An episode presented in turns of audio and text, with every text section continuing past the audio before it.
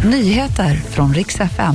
Det ska handla om en stor polisinsats i Trollhättan nu under eftermiddagen och om artisten som slog nytt rekord igen på nattens Grammisgala.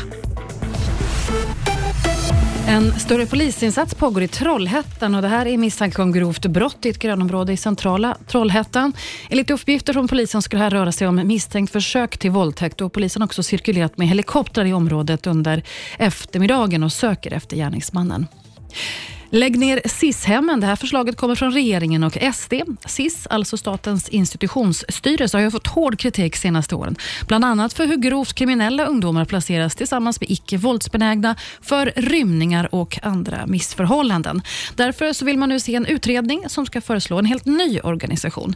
Dags att stänga ett kapitel och påbörja ett helt nytt. Det sa socialminister Camilla Waltersson Grönvall på en presskonferens idag. Och Taylor Swift hon blev historisk i natt igen. Hon, det var ju alltså Grammisgalan i natt och Taylor Swift hon vann årets album och det var fjärde året i rad hon gjorde det. Det har ingen annan gjort.